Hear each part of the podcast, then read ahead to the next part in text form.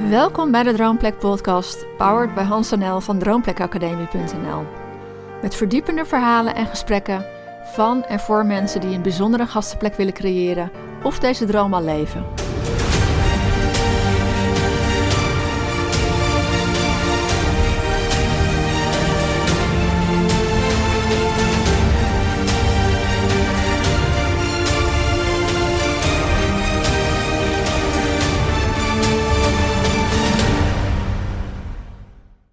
Welkom in uh, onze Droomplek uh, podcast, uh, Angelique en Martijn. Jullie runnen kindvriendelijke vakantiewoning in Italië, Partingoli. En jullie zijn ongeveer 22 weken per jaar open. En we stelden jullie aan het begin van de kerstvakantie de vraag om mee te werken aan deze podcast. Maar jullie hadden jezelf voorgenomen om gedurende die twee weken echt niet te werken en vakantie te vieren met jullie kinderen. Ontzettend knap. Hè, want wij weten hoe druk het is om een gastenverblijf te runnen. En hoe belangrijk het is om tijd en ruimte en rust voor jezelf uh, in, in te bouwen. Het is nu 8 eh, januari op het moment dat we de podcast opnemen. De vakantie is voorbij, de kerstvakantie. En is het uh, gelukt om niet te werken? Het is zeker gelukt om niet te werken. Het was, uh, het was heerlijk. Het waren twee uh, hele volle weken. We zijn vijf dagen op vakantie geweest en we hebben wat uh, musea bezocht. het was heerlijk en ik ben ook echt uit geweest. Ik heb ook niet gereageerd op verzoekjes van dingen voor na de vakantie. Ik dacht echt van nou dat komt wel. En ehm, nee, ik heb echt, ben heel tevreden. Ik heb het echt goed gedaan. Heel knap. Ja. En Martijn? Hoe is de vakantie voor jou geweest? Het was een hele leuke vakantie. Uh, het was hartstikke leuk om vijf dagen in de bergen te zijn. Zoals ik zei, het is niet, uh, niet echt mijn ding, maar met het hele gezin erbij was het wel erg leuk. Um, daarna zijn we met de kinderen nog een aantal keer in Florence geweest. Dat vonden we ook uh, echt leuk om te doen. En verder gewoon lekker thuis gezeten met de kids. Het is gewoon leuk. Ja. Ja, lekker thuis is ook lekker hè, als je geen, geen gasten hebt. Want als je zoveel weken gast op je terrein hebt, is het ook wel lekker om ook zelf van je eigen plek eh, te kunnen genieten. Want het is echt een, een droomplek die jullie hebben. Jullie zijn in 2010 eh, vertrokken naar Italië. Om daar een gastenverblijf te beginnen. Waarom Italië? Uh, ja, nou, dat was eigenlijk. Eh, we zijn voordat wij. Nou, toen wij samen vakantie gingen vieren. was dat eerst een keer in Frankrijk. Nou, daar had ik helemaal niks mee. En daarna zijn we meerdere keren in Italië geweest. En ja, daar merkten we dat Italië ons wel uh, aansprak. Sterker nog, ons hartstal. Uh, dus nee, ja, Italië werd eigenlijk automatisch een beetje het land waar wij ons uh, prettig voelden en langzaamaan thuis voelden. En hoe is het idee voor het realiseren van een gastenverblijfdroom bij jullie ontstaan? Bij ons is het ontstaan toen wij een vakantie aan het Gardameer hadden. En we hadden toen maar één klein kindje. Ja, we hadden toen alleen Jeroen. En uh, was een beetje een roldag, een beetje regenachtig, bewolkt. Niet echt in een dag om aan het strand dan wel zwembad te liggen. Dus bedacht om maar eens wat rond te gaan rijden in de omgeving om daar eens wat van te zien. Want ja, dan doe je dat ook niet. En uh, bij het rondrijden kwamen we een bed en breakfast tegen met de naam Schapendouche. Nou, dat was natuurlijk heel vreemd in Italië, een Nederlands woord. Uh, dus dat trok onze aandacht en we reden het uh, hobbelde bobbelpad van hun op. Uh, en daar stond een man in de tuin te werken. En Martijn zegt, ik ga even met die man praten. Dat, eh, ik, ik, ben even benieuwd hoe die man hier nou in godsnaam terechtgekomen is. Met de indruk dat dat een Nederlander was, bleek een Italiaan te zijn. En Martijn kon al wel met handen en voeten en een paar woorden wat Italiaans. Dus die kwam na een half uurtje terug helemaal door enthousiast. Dat is echt grappig, zo'n vent die helemaal, helemaal gepassioneerd in zijn eigen bedrijf aan het werken is. Super gaaf.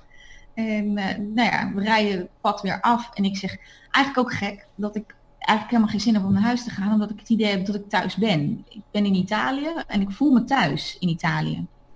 Oh, nou, dat was een beetje, heb je dat echt? Oh. En Martijn reageerde dus inderdaad met, nou, dat heb ik nou ook. En toen langzaamaan begon het idee te broeien en werd geboren dat het misschien ook voor ons wel een idee was om zoiets als een bed and breakfast te gaan starten in Italië zo is het een beetje begonnen. Dus een beetje gaan rollen. En na die vakantie zijn we eigenlijk uh, heel open-minded gaan zoeken, kijken, oriënteren, bekijken, mailen, praten met iedereen. En ehm, ja, zijn we op pad gegaan, zeg maar. En toen? Toen is het idee geboren en hoe lang heeft het toen geduurd om jullie droomplek te vinden? Het duurde lang. Het duurde heel lang. Want de, de reden dat we eigenlijk ehm, dit begonnen zijn, was vanuit onvrede voor, van vanuit het werk. Uh, ik, ik, kreeg wel een mogelijkheid om dus um, meer uren te besteden om buiten uh, mijn werk te kijken. En uh, toen hadden we al bedacht van laten we iets in de horeca gaan doen. Want dat ligt ons alle twee wel. En werken voor een baas, dat, dat, dat, nee, dat zagen we gewoon niet meer zitten. En, en wat, is jullie, wat is jullie achtergrond? Ik ben, ik ben militair geweest. En Angelique heeft ook bij Defensie gewerkt als burger dan. Ja. En uh, ja, als, als het, het, nadeel is als militair zijnde, is dat je niet heel erg makkelijk uh, jezelf losweekt uit een, uit een bepaalde cultuur. De cultuur is natuurlijk heel erg, uh, heel erg hiërarchisch, heel erg strak. En um, ik zag het niet meer zitten, ook uit ervaring, om dus onder een baas te gaan werken. Dat, dat, dat, dat, ging erg snel ging dat, ging dat wringen. Nou, toen zijn we dus op zoek gegaan van, nou, wat kunnen we dan wel doen? Nou, toen kwam het idee, Italië werd uiteindelijk geboren. Maar ja, uh, vind maar eens wat. Ik bedoel, ja. nu weten we beter, maar toen hadden we echt zoiets van, ja, waar moet je gaan zoeken? Dus je gaat naar beurzen, um, je, je, praat met makelaars, um, weet ik veel. Er is geen moment in ons hoofd opgekomen om, uh, om te gaan zoeken naar een bestaand pand of een bestaand bedrijf over te nemen. Waarom niet? Ja, weet ik niet. Nu zou ik, dat, uh, zou ik daar wel meer naar op zoek gegaan zijn, denk ik.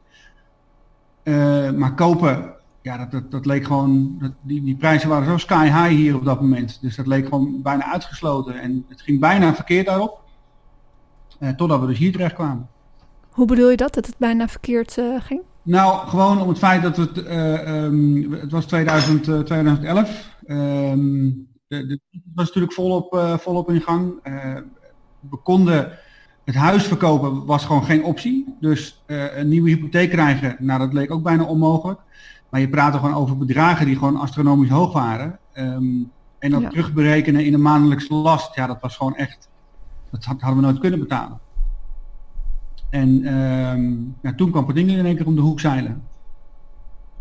En hoe kwam het om de hoek zeilen? Ja, bij toeval. Um, ik was op dat moment in Italië. En uh, Nee, ik zeg het verkeerd. Ik, uh, ik kwam net terug uh, van een uitzending. En ik ging twee weken naar Italië om eventjes even tot rust te komen. Toen ben ik met een vriend van mij, zijn we hier in de omgeving gaan rondrijden. En ik had een aantal locaties had ik, had ik opgeschreven. En dat was eigenlijk meer met het idee van, ik ga praten met die mensen die daar wonen. Want dat waren allemaal Nederlanders. Ja. Praten met die mensen die daar wonen. En dan ga ik eens vragen van, van goh, hoe heb je dat gedaan? En wat, wat zijn ervaringen? nooit met het idee gegaan van um, ik zou misschien dit bedrijf kunnen overnemen of zo. Het was puur uit interesse. Nou, en toen ben ik, we hadden drie locaties opgeschreven. Uiteindelijk ben ik hier als eerste terechtgekomen en ook niet meer weggegaan. Ik had een, hadden een gesprek met die mevrouw die hier woonde. En uh, ik die wilde alles vertellen. En hoe het, hoe het leven hier was. hoe het is om vanuit Nederland hier naartoe te komen. waar je tegenaan kan lopen hier. Allemaal van dat soort zaken. Dus toen ben ik thuisgekomen en toen zei ik, ik ben erg enthousiast, want ik heb heel veel ervaring opgedaan. En ik had afgesproken met die mevrouw die hier toen op Portingoli woonde. Als in Nederland zou zijn, dan zouden we een afspraak maken en dan zouden we dan met het hele gezin eens even kennis maken met elkaar en dan zouden we nog meer informatie en ervaring uitwisselen. Nou, dat hebben we gedaan en um, uiteindelijk kwam eigenlijk wel bovendrijven dat zij wilde stoppen. En toen, toen is het balletje echt gaan rollen. Ja, toen was, uh, kijk, anderhalf jaar later was het zo ver gekomen dat we hier wonen. In een notendop. Dus als ik het goed begrijp, um, had zij wel het gevoel van... hé, hey, ik, uh, dit zou wel eens een interessante uh, opvolgstijl kunnen zijn. Ja, wat het probleem was, wat zij had, is dat zij hier met een... Uh, ze was alleenstaand, ze zat hier met een, met een kind. En mm -hmm. ze, dat het kindje hier in de school ging. Dus ja, dat is natuurlijk een beetje lastig. Uh, als, je in, als je in Nederland zit en telkens voor de, voor de vakanties alleen maar hier naartoe kan komen. Dus, maar zij zat met een huurcontract en ze zocht dus een, een huurder, een vervangende huurder daarvoor. Ja. Dat was een beetje het probleem van haar. Dus toen uh, hebben we een gesprek gehad met haar. ehm, toen wij, we zijn hier op vakantie gegaan om eens alles te bekijken en kijken of het echt wel wat iets voor ons was. Ehm, toen hebben we uiteindelijk een gesprek gehad met de eigenaar nog en met haar erbij. En ehm, ja, daar was uitbesloten, als we het zouden willen, dan zouden wij het huurcontract mogen overnemen. Uiteindelijk is dat gebeurd. Dus jullie zijn niet gaan kopen, jullie zijn uh, gaan huren? Ja. Hoe was deze optie voor jullie? Nou, wat ik zeg, de, de, de, als je, als je um, goed onderzoek doet naar wat er hier allemaal aan Nederlanders zit, dan uh, schrik je van bepaalde regio's. Want in de regio's, de marken bijvoorbeeld, zitten verschrikkelijk veel Nederlanders. En die moeten, uh, uh, ja, al, die, al, die, al die, die, die gasten die gaan komen, moeten ze allemaal verdelen. En ik kon niet 1, 2, 3 bedenken als ik aan de markt dacht van nou, dan ga ik daarheen. Dat zei me eigenlijk helemaal niks. Je had uh, Rome, je had Florence en je had Milaan. En het Gardameer natuurlijk. Nou, het Gardameer was voor ons uitgesloten. Dat wilden we echt niet. Uh, Milaan en Rome zagen we helemaal niet zitten. Nou, Florence hadden we eigenlijk niet aan gedacht. Maar toen bleek dat Portingoli echt gewoon op een toplocatie stonden. Wij zitten echt op een A-locatie. Maar ja, voor een A-locatie, daar moet je voor betalen. Als je dat wil kopen. Dus uh, het is dan een optie of een klein huis nemen. Uh, en niet alles kunnen verwezenlijken wat je wilt. Of een groot huis nemen, het huren en wel kunnen doen wat je wil. En dat was eigenlijk de doorslag. Want de, uiteindelijk betalen we nu voor uh, wat wij aan huur betalen, is omgerekend nu minder dan dat wij aan aflossing zouden betalen. Ja. Gewoon omdat het hier gewoon te duur is. En wat zijn voor jullie nog meer voordelen om te huren? Nou, voordeel is dat we um, uh, geen problemen hebben met, met uh, vage belastingwetgevingen. We zitten op een boerderij en er zijn allerlei vreemde wetten in Italië die, uh, die geld vragen. Dat kan aardig in de papieren lopen. Ik heb ook geen problemen als het, als het dak lek is. Ik, heb ook geen, ik hoef het niet te bekostigen als het rioleringsstuk is of dingen mm -hmm. buitenzijde vervangen moeten worden. Uh, dat hoef ik allemaal niet. Ja, het nadeel daarvan is, is dat als ik wat wil doen in een appartement of erbuiten, ja, dan moeten we wel toestemming hebben van de eigenaar. En ja. dat, uh, dat lukt meestal wel, maar dat heeft even tijd nodig. Ja. Dat moet even uh, in de week worden gelegd. Want wonen de eigenaren ook bij jullie op het terrein? Hoe, hoe werkt dat bij jullie? Ze wonen in Florence. Um, ze hebben een boer in dienst gehad. Die is inmiddels uh, met pensioen. Um, hij heeft 50 hectare aan wijngaarden en olijfgaarden en dat uh, besteedt hij uit. En ze komen hier één keer per week komen ze uh, wijn verkopen. En verder zien we ze eigenlijk nooit. Ja. Ervaren jullie dat als een voordeel? Nou, het was in het begin was het wel lastig. In het begin was het lastig omdat we niet, uh, we konden er moeilijk mee omgaan. En dat is meer omdat de, de het was meer een cultuurbarrière, zeg maar. Mm -hmm. Uh, te direct Nederlands en, uh, en uh, te omslachtig Italiaans, zeg maar. Dat werkte niet samen.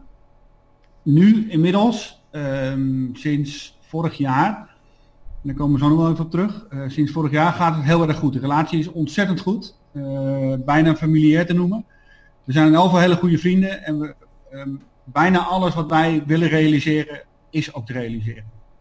Wat goed om te horen.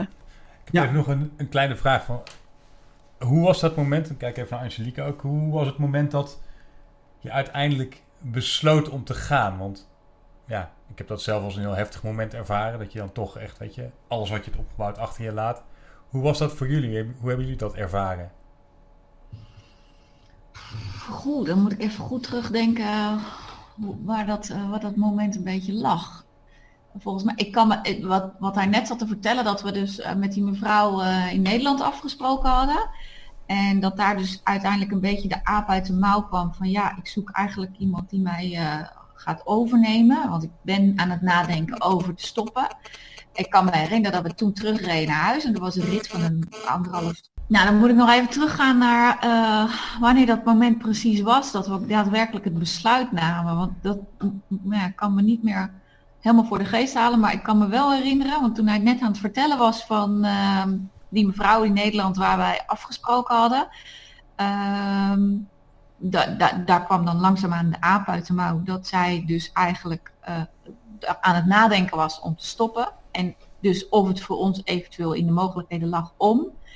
En die rit naar huis daarna, die, dat, dat kan ik me herinneren als van echt? Gaat het echt gebeuren? Is het echt zo dat wij echt, ik, ik was helemaal, nou, ik heb al meerdere keren van, moet ik me niet te enthousiast worden, want dan ga ik weer mezelf voorbij. Ja. Gaan we nu echt serieus nadenken over dat we gaan emigreren?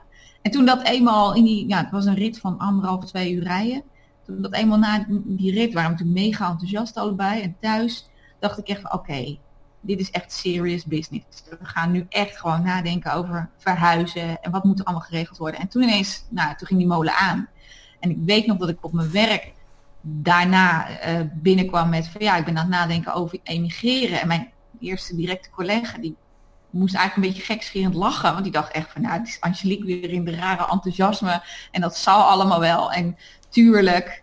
En toen ik het voor een tweede keer, een week later weer herhaalde, toen zat hij me echt aan te kijken, oh maar je bent echt serieus. Ik zei, ja, tuurlijk ben ik serieus. Ik ga er niet zomaar over emigreren beginnen. Dat is toch een idioot plan als je dat niet serieus doet.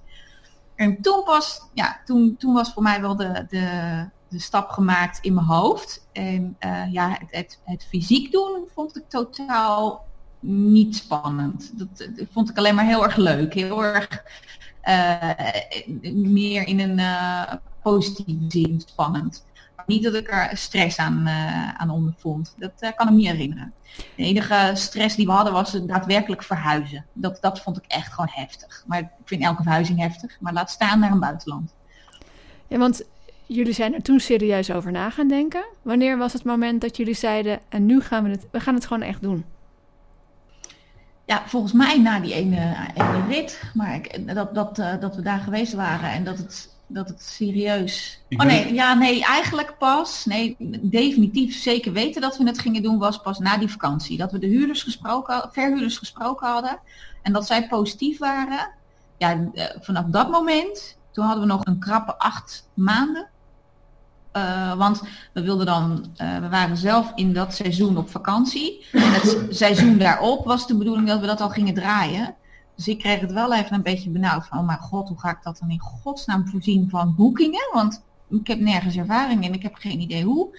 Eh, maar toen zei die vrouw die hier zat van, daar ga ik je bij helpen, want eh, die had een vakantiebemiddelingsbedrijf en die zei van, ik boek voorlopig wel eventjes een paar eh, weken voor jou. En dan heb je in ieder geval iets en dan kun je gewoon starten en maak je niet druk. Dus daar ben ik toen op, volledig op vertrouwen, gaan vertrouwen en, en dacht van nou we zien wel. Eh, en toen hebben we snel zelf na die vakantie een website laten bouwen. Ehm, waarvan ik nog weet dat, dat toen die net af was, dat we echt allebei even heel geëmotioneerd naar keken van oh god, dit is echt van ons. Wij gaan dit echt doen. Ja. Eh, hij was ook echt heel mooi voor ons toen destijds. Als je er nu naar zou kijken, denken we daar wat anders over. Maar toen vonden we dat helemaal fantastisch. En eh, ja, dus dat moment nadat de huurders ontmoet waren en we echt het gevoel hadden van oké, dit, dit is echt. Wij gaan het ondertekenen en we gaan. Ja, toen waren er nog maar acht maanden te gaan. Dus toen was er best wel even een, eh, wat te regelen. Toen was wel even wat te doen. Want waar ik wel benieuwd naar ben, ehm, iets in de horeca leek jullie wel wat. Maar wat, wat was jullie drive om echt een gastenbusiness te starten? Want dat is niet alleen maar, ja, dat is niet eventjes eh B&B'tje spelen. Dat, dat is echt een keuze. Nou, zijn- wat mij betreft, zijn denk ik toen ehm, te veel, hebben ons te veel gefocust op de locatie. Zonder ons echt heel erg te beseffen van eh, wat gaat er allemaal gebeuren als hier mensen geweest zijn. En we wisten op dat moment dat wij, eh, toen wij hier op vakantie waren, toen waren er mensen ook hier aanwezig die zeiden, als jullie hier volgend jaar naartoe gaan en je regelt internet, dan kom ik terug. Zei, nou, dat is een deal. Dus ik heb internet geregeld, ik heb hem opgebeld, ik heb internet zitten. Nou, ik kom terug. Toen dacht ik van, nou weet je, ik heb al twee weken gevuld. Eitje. Dat is het. Dit is, dit is voor mijn leven en, eh, en prima. Maar toen ik de eerste, echt de eerste hoogseizoenweek ehm, eh, aan die barbecue stond, toen stond ik mezelf af te vragen waarom sta ik in godsnaam op zo'n kleine barbecue voor zoveel mensen vlees te bakken. Dat wordt een lange avond. dus nee, ik heb, we hebben ons meer no- toen niet goed beseft dat, ehm, dat, er, dat, er, dat er nog zoveel te doen was met gasten, zeg maar. Nee, dat, dat, Nee. ik, ik, ik, ik weet wel uit mijn, uit mijn eigen ervaring. Ehm, voordat ik bij Defensie ging werken, ben ik afgestudeerd aan de HBOV als verpleegkundige. einde van die opleiding kwam ik erachter dat ik en niet tegen bloed kon en het niet zo'n goed idee vond om in het ziekenhuis te gaan werken. Dus ja, wat ga je dan doen? Toen ben ik via een omweg dus bij de personeel- en arbeidkant terechtgekomen. Dus als adviseur bij Defensie. En ik, ik riep altijd heel gekscherend van ja, dit, dit doet mij beter. Ik kan heel goed met mensen omgaan. Ik vind het ontzettend leuk om met mensen om te gaan. Maar er moet wel iets tussen staan. En ik noemde dan altijd mijn bureau als er moet iets niet zo dichtbij dat het fysiek contact dusdanig is als bij een verpleegkundige. Maar iets meer afstand. Maar daaruit voortvloeiend weet ik wel dat ik het ontzettend leuk vond om voor mensen te zorgen. Zoals je dat dan uh, toen, toen zei. Uh, nog steeds het klinkt heel gek, maar ik vind het nog steeds heel erg leuk om, uh, uh, als ik met de huisjes nu bezig ben, om de huisjes helemaal spikkie span in orde te maken. Met het idee van, er komt straks een gezin en die zijn helemaal toe aan vakantie en die komen het huisje binnen en krijgen een lach op hun gezicht. En dat, dat idee, dat maakt mij vrolijk en dat heeft me altijd vrolijk gemaakt. Vanaf dat ik hier ben gaan wonen tot nu zat dat wel in me. Maar ja, er is veel meer bij komen kijken. Het was niet uh, dat, dat we van tevoren al wisten van nou, we weten waar we instappen qua gastcontact. Nee, geen idee. Waar, waar dachten jullie dat jullie instapten? ik, ik had me er geen voorstelling van gemaakt. Ik ben er eigenlijk een beetje bleu ingestapt. Zo van nou, weet je, dat, dat gaat zich vanzelf vormgeven. Dat laat ik gewoon gebeuren. Dat, nee, het enige wat ik in mijn hoofd als was, ik vind het zo leuk om voor die mensen te zorgen dat ze een waanzinnig leuke vakantie hebben. En bij mij was dat met name op het materialistische gericht. Dus het, het bezorgen van dat het huisje toppie was. Maar niet dat je ook nog moet communiceren. En als iets fout gaat, dat je dan uh, um, ja, op een gast af moet gaan om te zeggen van ja, maar dit vind ik dan weer niet zo leuk. Of whatever, in welke vorm dan ook contact hebben met. Daar heb ik helemaal niet over nagedacht. Ja, want wat ik terughoor is, is zowel wat jij zegt van binnen redelijk bleu ingestapt als Martijn daar achter zijn barbecue stond en toen doorkreeg van, ah, er komt iets meer krijgen bij horeca. Mm. Kijken bij horeca. Wat, na, welke, na hoeveel tijd kwam dat besef, drong dat door bij jullie, Martijn? Dat, elk tweede seizoen wat beter. Dat is heel stom. Elk, elk tweede, elk even jaar is tot nu toe, zijn de, op één jaar na dan, zijn de makkelijkste jaren geweest. Omdat je dan Ehm, bepaalde veranderingen doorvoert. En die zie je, je ziet gelijk of het werkt of niet. Ehm, dat, dat was dus fijn. En dan had je het, vaak het, het oneven jaar was dan ehm, eh, weer nieuwe concepten bedenken die dan net niet werkten. Nou, dat, als dat niet werkte, dan had dat gelijk van invloed op het hele seizoen. Want je had natuurlijk bedacht dat je dat van, uh, van juni tot en met september zou doen. Dat vond ik lastig. Plus, wat erbij kwam, is dat we hier op dat moment nog uh, een, een best wel in werking zijnde boerderij hadden. Ehm, een zwembad, wat erbij kwam. Ongelooflijk veel onderhoud, wat, wat ik echt onderschat heb, of wat we onderschat hebben. En dat moest ik allemaal, te, dat moest ook nog uh, tussendoor geleerd worden. Nou, plus ik natuurlijk de eerste jaren uh, zaten we niet zo vol als nu. Dus uh, brak ons ook nog aan, aan centjes buiten het seizoen. Dus het, was wel, het werkte wel beperkend, zeg maar. En dat was, dat was, ja, dat was wel lastig af en toe. Wat is, de, wat is het lastigste wat jullie hebben meegemaakt? In de eerste jaren? Uh, ik kan niet echt 1, 2, 3 de vinger erop leggen wat het moeilijkste was. Uh, het is meer een samenspel van, van, van alles geweest, zeg maar. Het, het, het uh, opnieuw leren leven in een ander land. Uh, het omgaan met, uh, met, je, met nieuwe buren.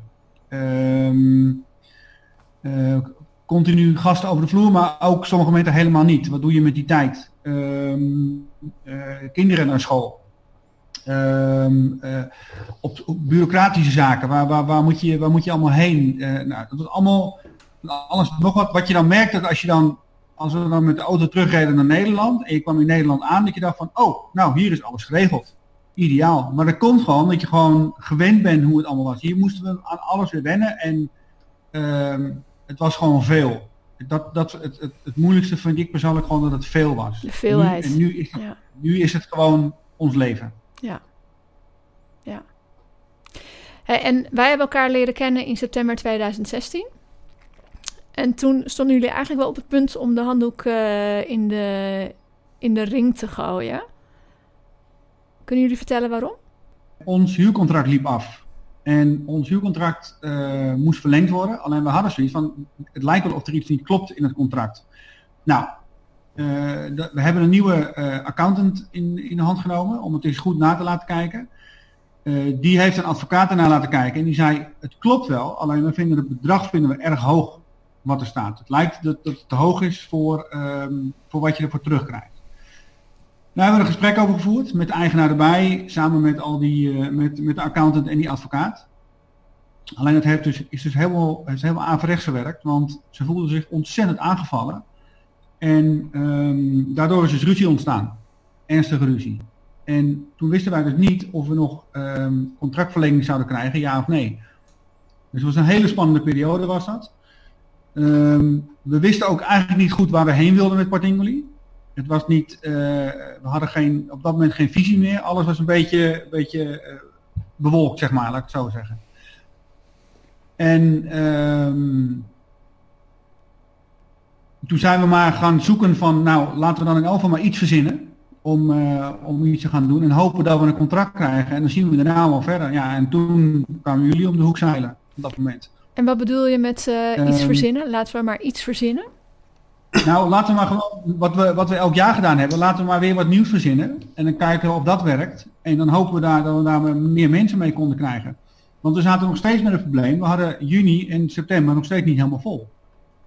Ja, en dat, dat, dat, uh, dat, dat had wel een weerslag op de, op de omzet natuurlijk. Kan je een voorbeeld noemen van uh, wat jullie in de eerste jaren verzonnen om die laagseizoenweken maar vol te krijgen? Oh. Goh. Uh, ja, waar zullen we beginnen? uh, we hebben een fotocursus gedaan. Ja. Uh, we hebben een wijnreis gedaan. Um, we hebben... Wat hebben we nog meer gedaan? Nou, je gaat op een gegeven moment... Je, oh, huwelijken, dachten we. Oh, dat is ook ja, leuk. doen we, dan mag je trouwen hier op Partingoli. Nou, dat, dat hebben we ook één keer gedaan. En toen dacht ik, nou, niet Gidsen. meer gidsen door, oh, ja. uh, door Florence heen. Ook, ook nog gedaan. Ook nog gedaan. Was ook een succes. Uh, we hebben nog Not. samengewerkt met een. Uh, er was op een gegeven moment Inferno. Dat is een van de boeken van Dan Brown. En die speelde zich af in Florence. Nou, wij wonen vlakbij Florence, wat een toeval.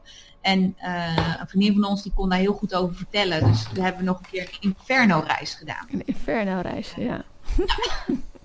Dus ja, je gaat op een gegeven moment van alles bedenken. En groepen lijken heel makkelijk, omdat je dan, uh, ja, je hoeft niet al te hoog bedrag te vragen. En als je er maar een paar bij elkaar hebt, heb je al gauw een goede som geld. Dacht je toen. Maar wij kwamen langzaamaan erachter dat wij niet zo van de groepen zijn. Uh, mm-hmm. In de zin van, uh, die zijn bij elkaar en dan, dan zijn zij de groep en wij zijn de gastheer en gastvrouw. En daar komt de chemie niet op een manier tot stand die wij, nou ja, die vonden wij niet prettig voelen.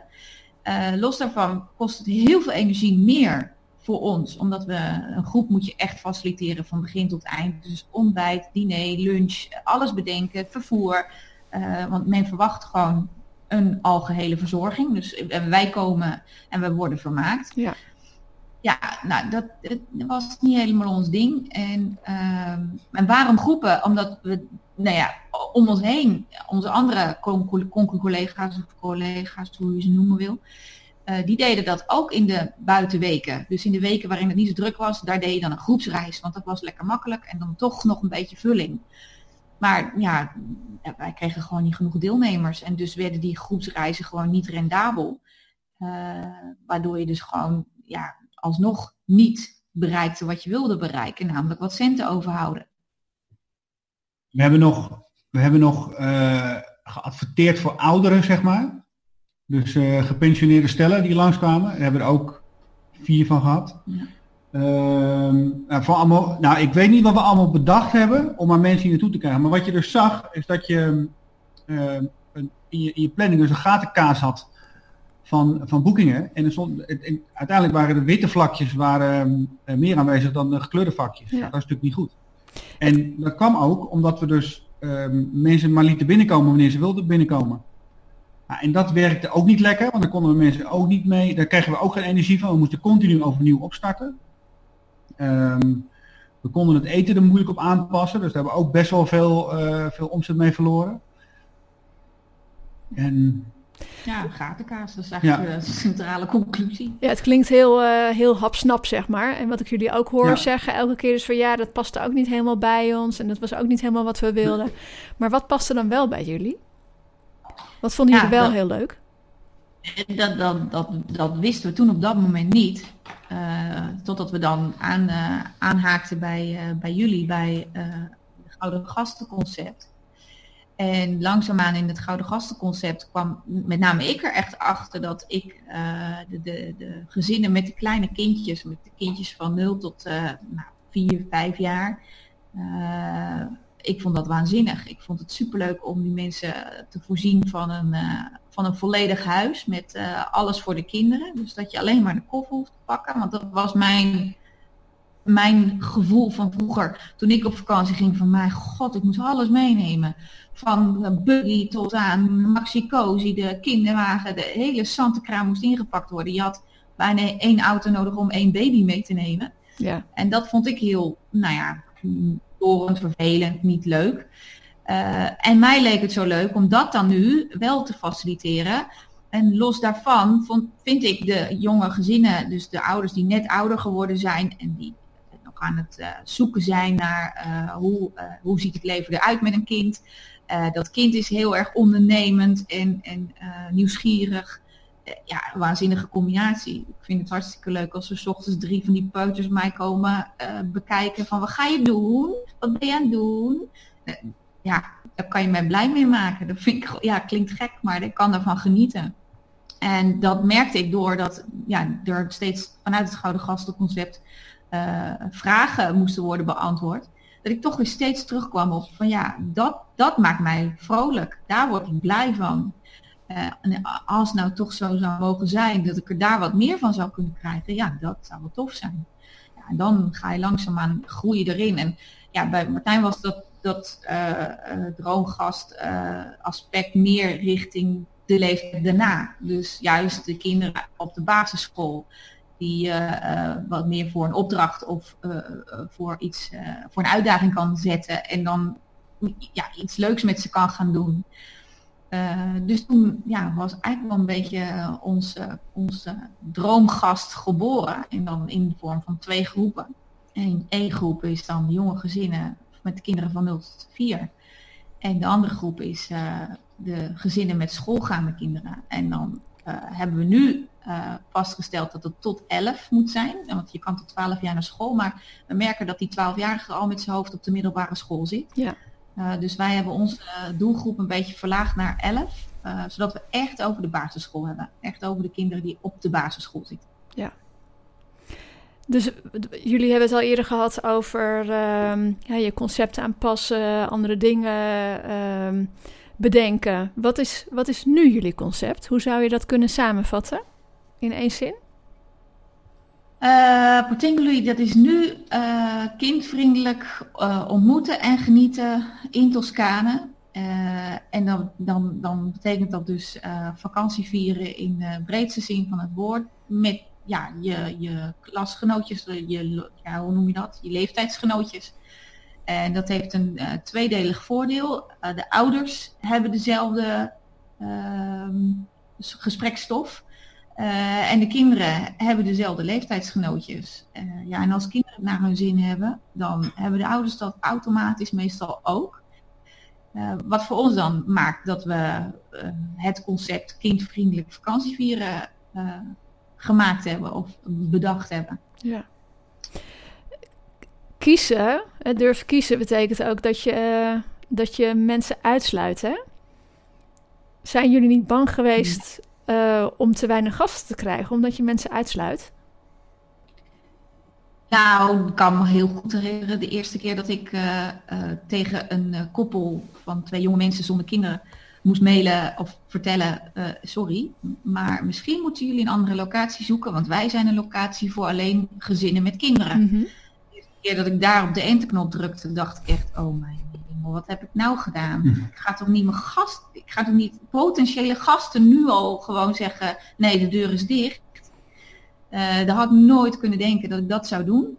Ehm, maar het effect heeft erin geresulteerd dat toen ik dat deed, er gewoon nou, prettig gereageerd werd. Helemaal niet boos of beledigd. Of, maar gewoon van, oh wat fijn dat je dat even zegt.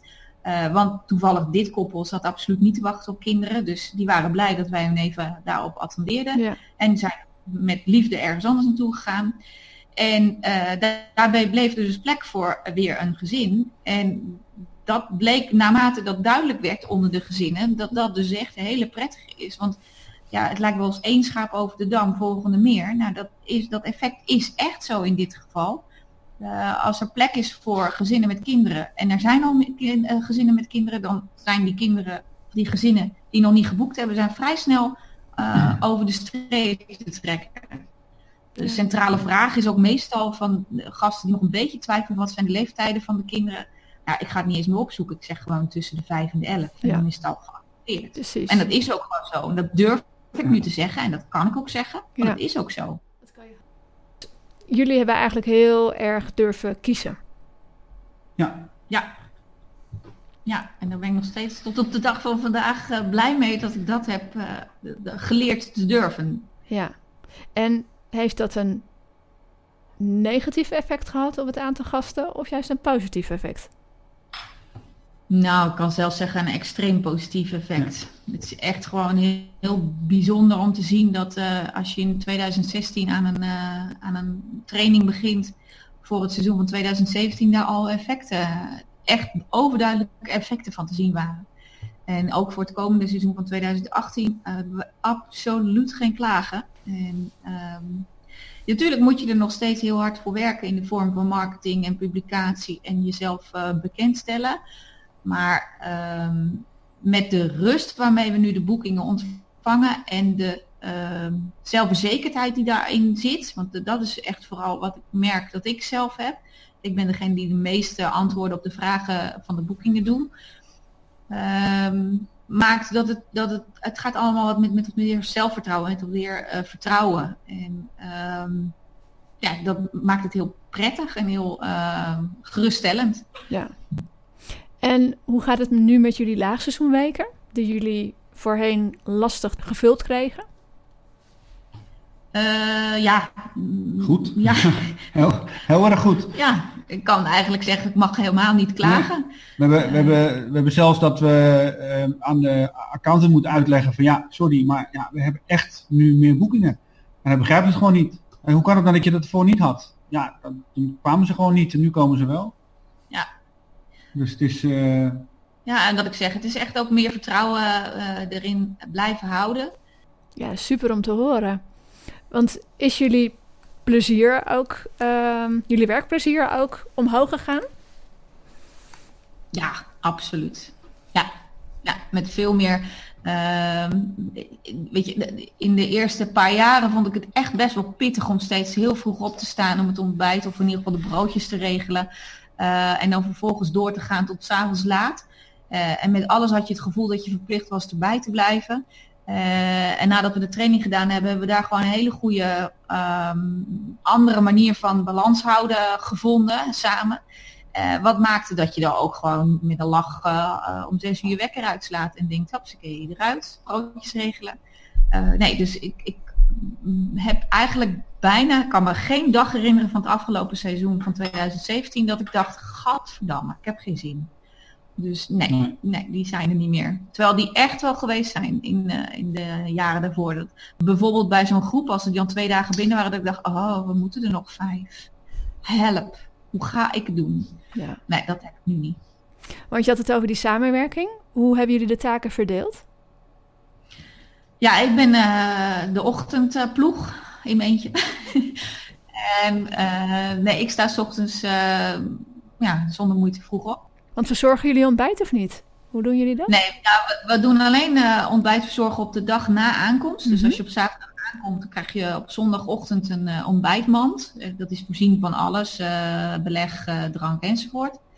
En ehm, de dagen daarna worden het, uh, wordt het een broodjeservice. Maar dat betekent dat ik elke dag naar beneden naar de bakker ga om vers het brood te halen. En dat moet ik dan verdelen en dat hangt dan op aan de deur. Daarna moeten we de, de algemene ruimtes schoonmaken. Ja, en dan zo tot een uur of tien ben ik wel druk bezig. En in de tussentijd stapt uh, Tijn ergens een uur of anderhalf later zijn bed uit, omdat hij ook de avond meestal opvangt. Als, zeker als we een diner hebben, dan uh, zijn er nog mensen die graag een drankje doen. Na elfen, ja, dan moet ik echt naar bed. Dus uh, ja. dan doet Martijn het laatste stuk van de dag. Ja. En hoe zorgen jullie voor voldoende rust met elkaar en tijd in, in de drukke weken? In het drukke strakke seizoen? planning houden. Een hele strakke planning houden. We, we hebben eigenlijk hebben we uh, vanaf juni, zeg maar van juni tot en met september, want dan we dan 24-7 um, vol erop zitten, hebben we gewoon eigenlijk elke dag hetzelfde te doen.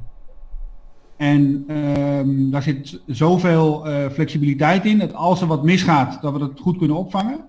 Dus dat, dat uh, brengt ook een hoop rust met zich mee. En we kunnen heel goed anticiperen.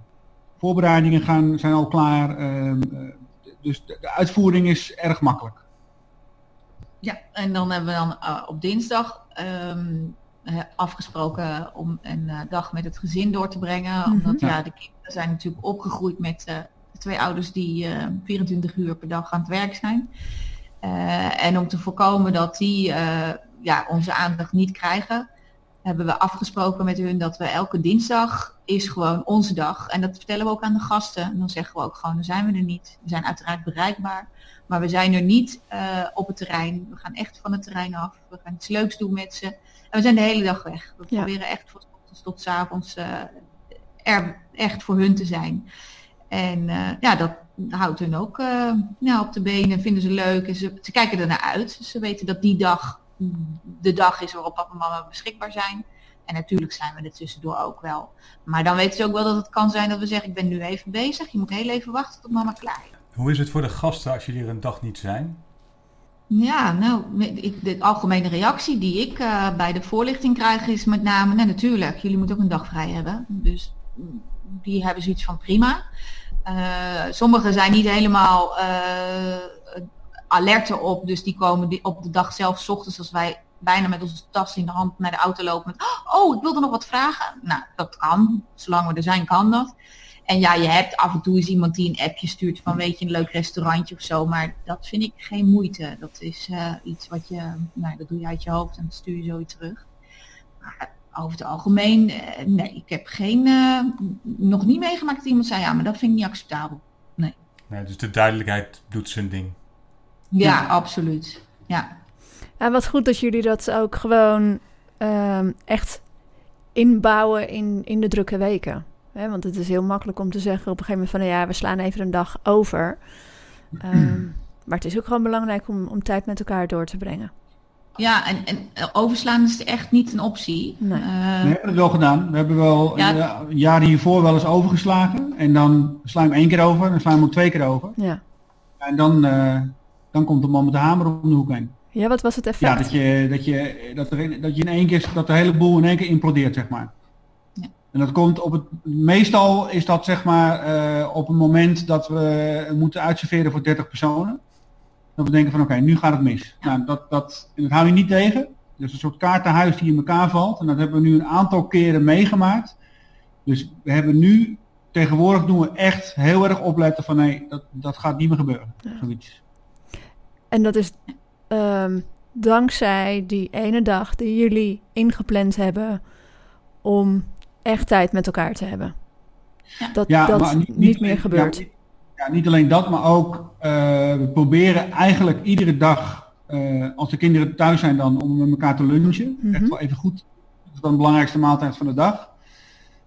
Um, dat doen we ook in het weekend. Dus als op zaterdag, zeg maar, uh, als alle schoonmakers de deur uit zijn, en iedereen is hier weg, dan is het hier een oase van rust soms. En dan pakken we ook echt even twee uurtjes.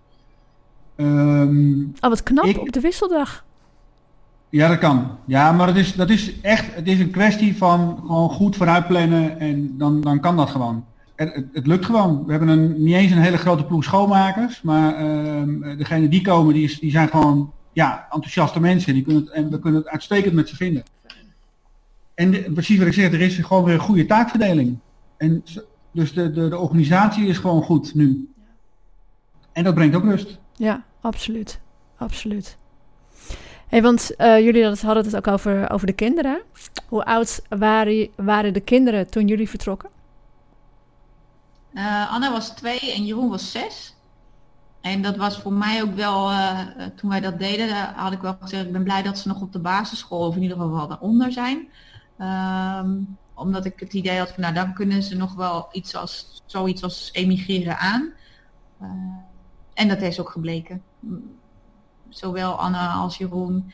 eh, met geen woord Italiaans is Jeroen naar de eerste klas gegaan. Het enige wat ik hem geleerd was eh, hoe hij moest vragen dat hij naar de wc mocht. ik zag hem al helemaal voor me dat hij dat niet eens eh, durfde te vragen. Ja. Dus die zin hebben we meerdere keren geoefend met hem. En dat wist hij dan. Maar hij is ehm, op, weet ik veel, half september naar school gegaan en op eh 27 okja- oktober is hij jarig. En toen gaf hij zijn eerste ja, feestje in Italië. En toen sprak hij al vloeiend met zijn vriendjes. Dat wij echt met z'n tweeën stonden van, oh jeetje, Wauw. we verstaan zijn eigen kind al bijna niet meer. Ja. Het ging zo snel. Ja. Anna die, die was twee, dus die sprak net een beetje Nederlands, dus een beetje woordjes. Eh, en die is spontaan gestopt met praten toen ze op, eh, op dat kinderdagverblijf eh, terecht kwam. Oh joh. En die heeft een week of acht, negen niks gezegd. En toen ging ze weer een beetje met de handen en de voeten aanwijzingen geven. En nou ja, drie weken daarna, dus zeg maar drie maanden, eh, kwam ze gewoon eh, in het Italiaans naar buiten lopen. En dan moest ik echt in het Nederlands tegen haar praten. En dan moest zij schakelen. En als we thuis waren, dan sprak ze weer Nederlands. Ja. Dat, eh, ja, dat, nu zijn het gewoon kinderen die in beide talen gewoon prima ja, kunnen. Ja. En dat is een mooi voorrecht voor ze, vinden wij. Ja, mooi. Ja, en wat zijn in jullie ogen ehm, misschien nadelen om met wat jongere kinderen te vertrekken? Want het is natuurlijk eh, voor mensen met kinderen vaak een hele lastige, heel lastig besluit van als ik met kinderen ga, wat, wat kan ik het beste doen? Wanneer kan ik het beste gaan? Wat vonden jullie het nadeel? Ik, ik heb eigenlijk, ja, weet ik niet. Ik heb eigenlijk geen nadeel Nee, ik ook niet. ondervonden aan die kids. Je moet, het probleem is dat je ehm, op een gegeven moment, eh, we, namen wel momenten voor onszelf hoor, dat we met het gezin wat gingen doen. En dan bedoel ik het in de ruimste zin van het woord natuurlijk, dat we tijd voor elkaar maken. Maar nee, ik denk dat als ze ouder waren geweest, als ze meer op de basisschoolleeftijd waren geweest, dat we er meer moeite mee gehad hebben. Dat, is, dat is een hypothese die ik zeg, maar nee, ik, ik, ik, ik vind het persoonlijk makkelijker dat ze heel jong waren. Dat we daar dus ehm, eh, de hele schoolperiode mee hebben kunnen maken en daardoor heel veel mensen hebben leren kennen. En je leert ook heel snel eh, van de cultuur hoe dat, hoe dat werkt. Ehm, of we waren gegaan als we wat ouder geweest waren, wat ik zeg, dat is een hypothese, dat weet ik niet. Ik, ik, ik, ik, mijn gevoel zegt nu ja, maar nu, nu ze wat groter zijn ik zie hoe ze opgegroeid zijn, ehm, het zijn wel twee hele flexibele kinderen geworden. Dat wel. Want we vragen best wel veel van ze. Dus ja, wat, wat, is, een, wat is een goede leeftijd? Ja, ik, het, het is ook heel afhankelijk van, eh, van het kind. En ook van hoe je als ouders erin staat, denk ik. Ja, dat denk ik vooral. Ik heb de indruk dat kinderen heel flexibel zijn in, in breedste zin, maar dat het wel afhangt van hoe, zelf, hoe je er zelf eh, mee omgaat. Als je er zelf heel gespannen mee omgaat, neemt je kind dat van je over. Ehm, en hoe jonger ze zijn, ehm, eh, hoe, hoe meer spons ze zijn en hoe meer ze opnemen eh, van bijvoorbeeld Ja. de taal dan wel van hoe je met elkaar om moet gaan als dat ze wat ouder zijn. En dan is de neiging om te vergelijken voor een kind natuurlijk net zo logisch om te doen dan voor ons als, eh, als ouders. Ja. Ik vond het een, een voordeel dat ze zo jong waren. Ja, en het is een, je moet inderdaad een beetje, ehm, ehm, je bent natuurlijk blij dat je hier woont. Dat is één. Ja. Vervolgens kom je erachter dat je eigenlijk een best wel klein huis hebt. En vergeleken met die eh, betonnen, de betonnen kast die we hadden in, in, eh, in Nederland. Daar hadden ze ook altijd een eigen kamer. Dat hebben ze hier bijvoorbeeld niet. Dat, hebben we, dat, dat, dat kan ook niet. Dus ze slapen al, sinds dat we hier wonen, slapen ze samen op één kamer. Ja, vinden ze dat vervelend? Nou, ik denk dat dat best wel een keer problemen gaat opleveren. Een jongetje en een meisje op één kamer. Maar aan de andere kant, het is niet anders. Dus het is gewoon zo. Ik kan wel, wel een muur gaan doorbreken en een kamer erbij gaan trekken van, eh, van een ander appartement. Maar ik geloof niet eens dat ze daar heel erg op zitten te wachten. Dus het is, Nee. Ja, het is gewoon ja, net, net wat je gewend bent inderdaad. Hoe gaat het nu met ze? Want hoe oud zijn ze inmiddels? Is nu 13. Op dit Jeroen moment? is 13, Anna is nu 9. Ja, gaat goed. Ja, het gaat geweldig. Dus Jeroen zit op de middelbare school. Um, heeft het daar uitstekend naar zijn zin. Hij heeft een wat moeilijke start gehad op de basisschool. En de meeste kinderen van de basisschool die gingen naar een, uh, een school uh, hier in de buurt. Wij hebben ervoor gekozen om naar een andere school te doen. Ook in de buurt ietsje verder rijden. Uh, dat was mhm. echt, dat is wel beter. Was een stuk beter was dat.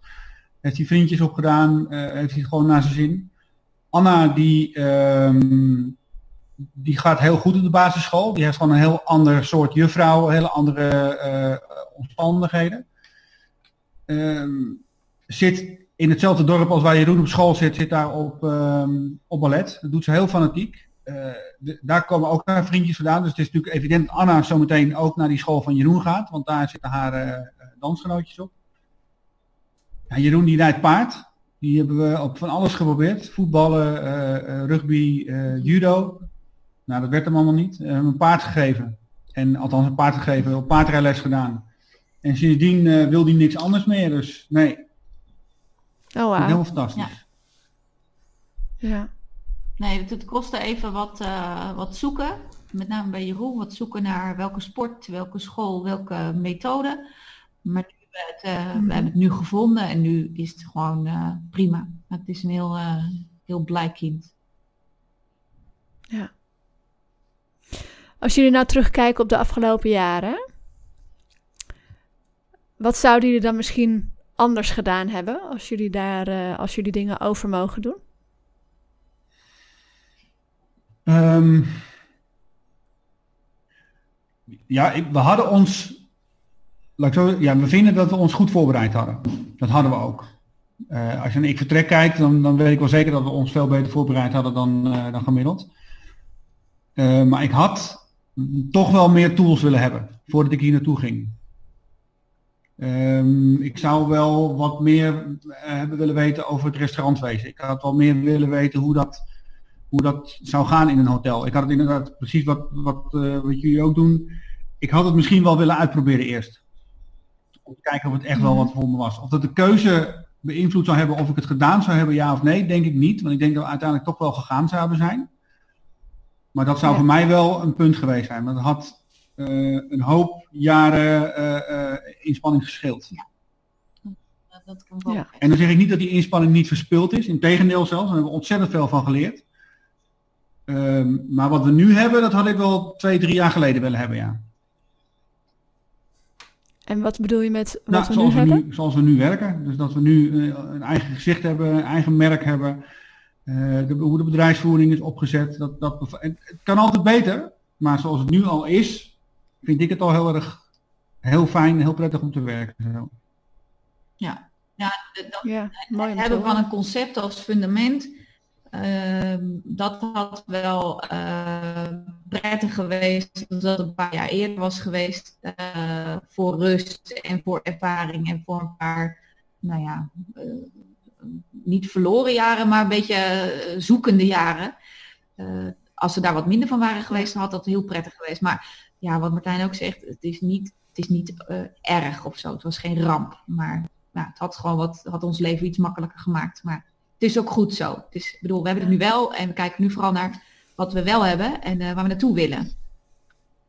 Ja. En waar willen jullie naartoe? Waar staan jullie over een paar jaar? Ja, ik roep nog steeds dat uh, er staat nu op de website een kindvriendelijke locatie. En dan moet straks het woord de kindvriendelijke locatie. Wij worden gewoon de, de kindvriendelijke locatie in Toscane. Uh, niet om uh, niet, niet te missen en daar moet je een keer geweest zijn. Dat is echt, ja, en, en de gezinnen blijven blijven bestaan. Ik bedoel, wij blijven ons uh, ten alle tijden voortplanten. Dus er komen altijd weer kindjes bij en altijd weer nieuwe gezinnen. Dus uh, ja, wij hebben nog wel even wat uh, gezinnen voor de boeg om welkom te heten. En daar kijken we erg naar uit. Angelique zei, er staat nu nog een kindvriendelijk puntje, puntje, puntje. en in de toekomst mag daar de uh, de kindvriendelijke staan. Waarom staat de er nu al niet? Nou, het is meer een kwestie van dat we het nog niet aangepast hebben op de website eigenlijk. Ja, Nee, het is, het zou mis- misschien kunnen. we, willen, we willen het wel doen, maar we zijn nu even met hele andere dingen bezig. We moeten nu eh, even focussen op wat, eh, wat zaken in Nederland. Dus we zijn even wat minder bezig met het bedrijf. Ehm, en dat is even een, een, een hindernis die we moeten nemen. Want we zijn bezig om eh, ons huis eh, te verkopen in Nederland. En het kost heel veel energie. Dus we zijn nu ehm, met wat randzaken zijn we bezig. Maar die wel allemaal te maken hebben met om de allerleukste locatie te worden. Zodat we Ja, het is natuurlijk een, beetje een mindset Ja, dingetje, hè? Want eh, voelen jullie al wel dat het de is in plaats van een? Ja, ik voel het al wel zo. En ik merk ook dat in mijn communicatie, in mijn, eh, in mijn mail, eh, dat ik het al wel zo uitdraag. Alleen, ja, Ja. het is er gewoon nog niet van gekomen om het even te veranderen. Even. Nee. Ja, ja, ik sta er al gevoelsmatig achter. Het is een kwestie van toepassen nog. En we zien natuurlijk ook wel, Hoeveel, hoeveel, we zien natuurlijk hoeveel tijd kost het om het aan te passen? hoe bedoel, Hoeveel tijd kost het om het aan te passen? Ja, vijf minuten waarschijnlijk.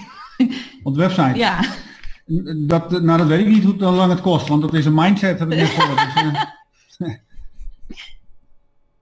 Ja, jullie kennen ons Ja, een ja. beetje. hè?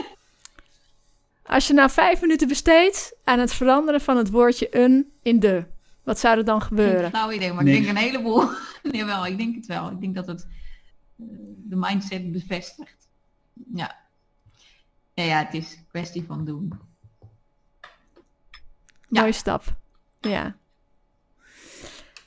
Hey, tot slot.